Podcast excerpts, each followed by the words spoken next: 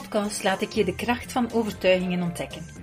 Zo zal je geïnspireerd worden om ook jouw weerstanden, angsten en twijfels aan te pakken en om te zetten in actie en daadkracht. Ik ben Iris Willems en ik heet je van harte welkom bij de Kracht van Overtuigingen podcast.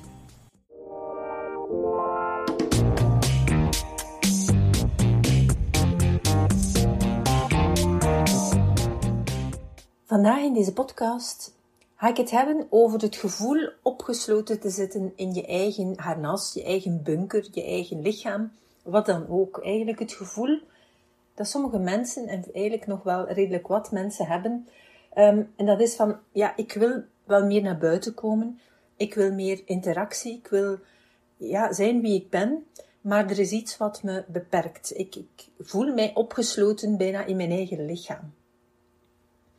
En je kan dat op verschillende vlakken gaan herkennen. Hè. Dat, dat stuk kan zich op verschillende manieren gaan uiten. Het kan zijn dat je bijvoorbeeld bij verschillende situaties elke keer merkt dat je aan de kant blijft staan. Dat je minder gaat deelnemen aan gesprekken, aan activiteiten misschien zelfs. Dus dat dat eigenlijk jouw leven een stuk beperkt in het aangaan van nieuwe contacten.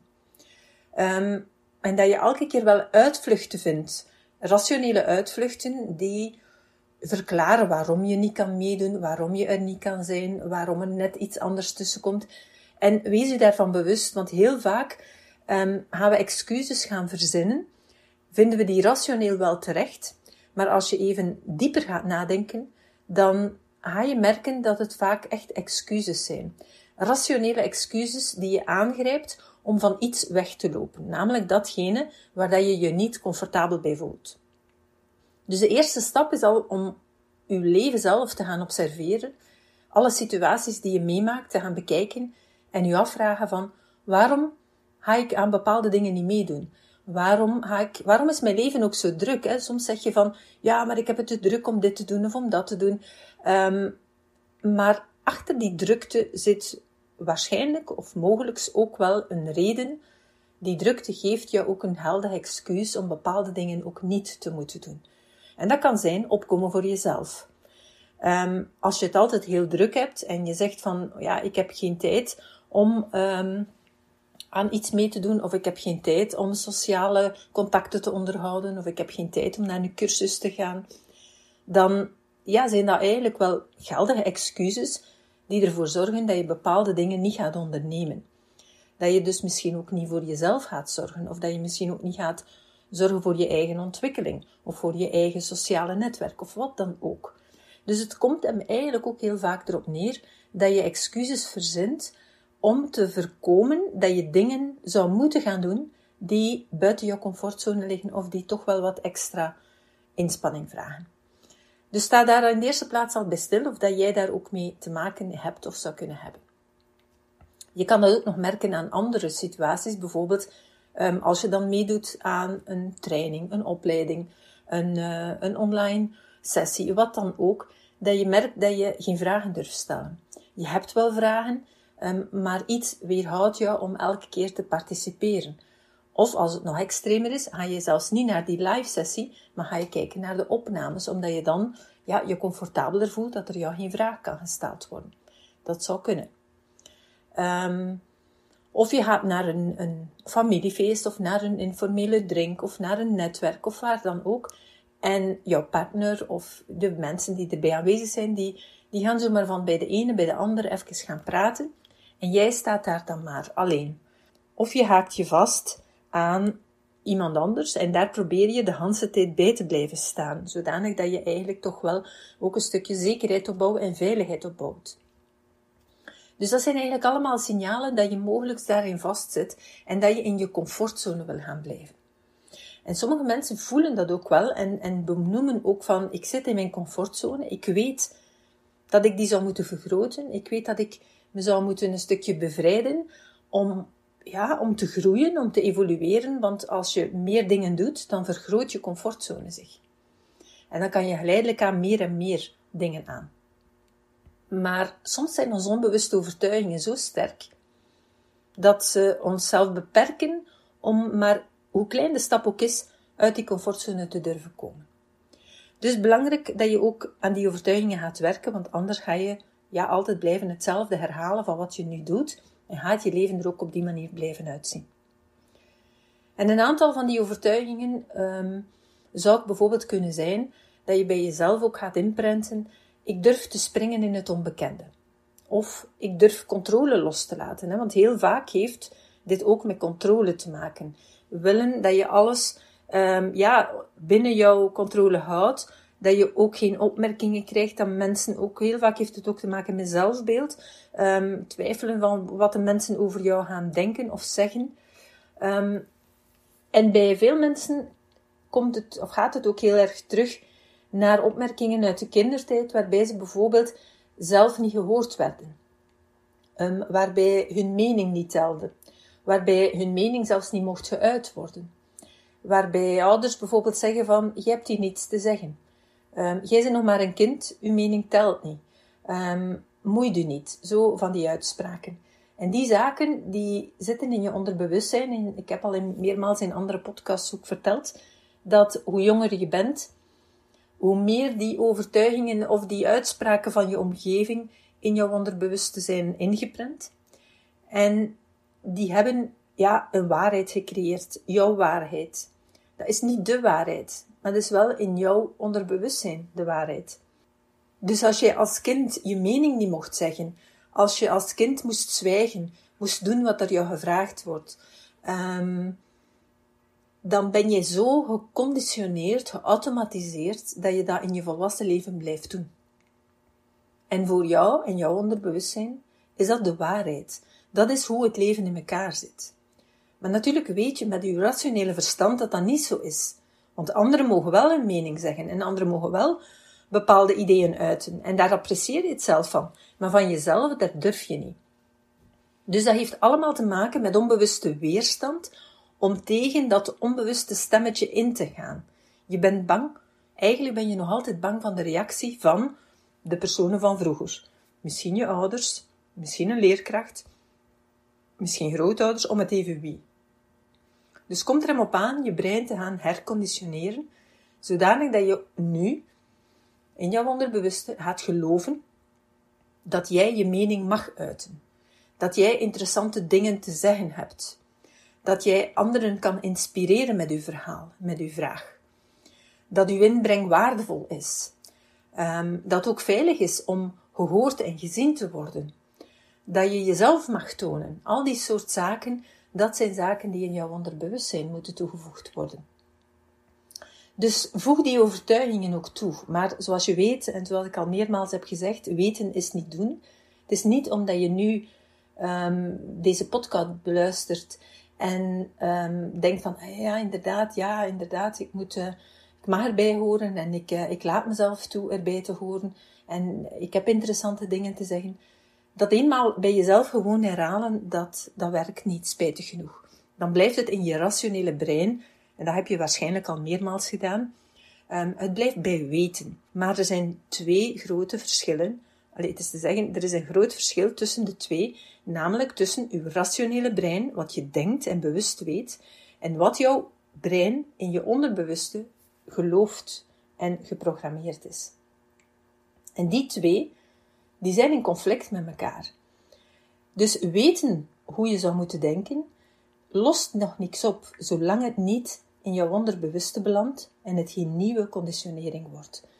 Want zolang als dat je het in je weten houdt, dan kost het je energie. Dan ga je constant in gevecht met jezelf. En dat is eigenlijk wat de meeste mensen doen.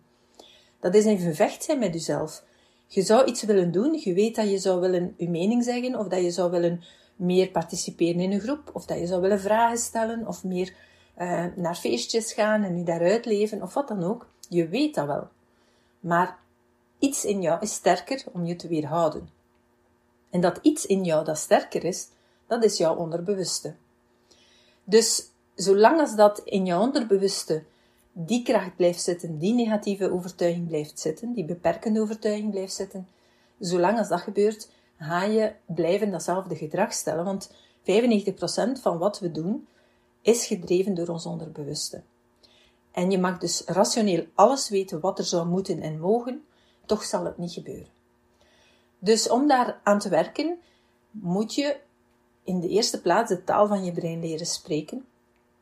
moet je ook leren je hersenactiviteit doen dalen naar het laag alfa niveau. Heb ik al uitgelegd in uh, eerdere podcasts.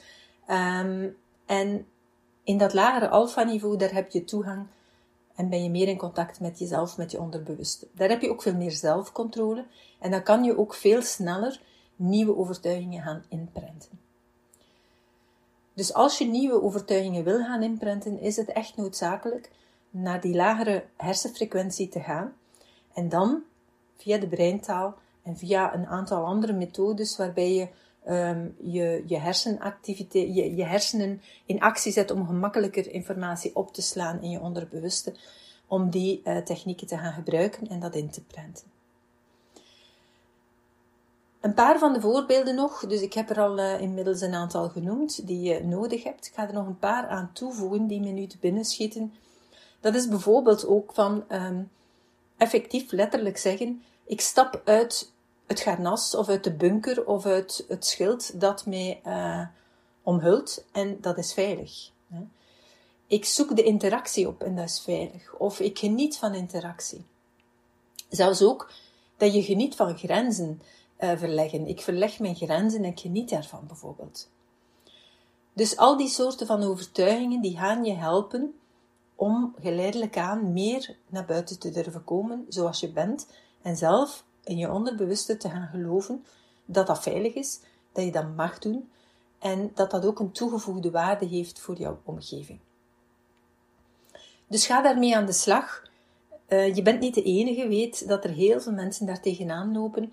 Weet, je weet nu ook dat het um, komt vanuit ja, zaken die je gehoord hebt uit het verleden.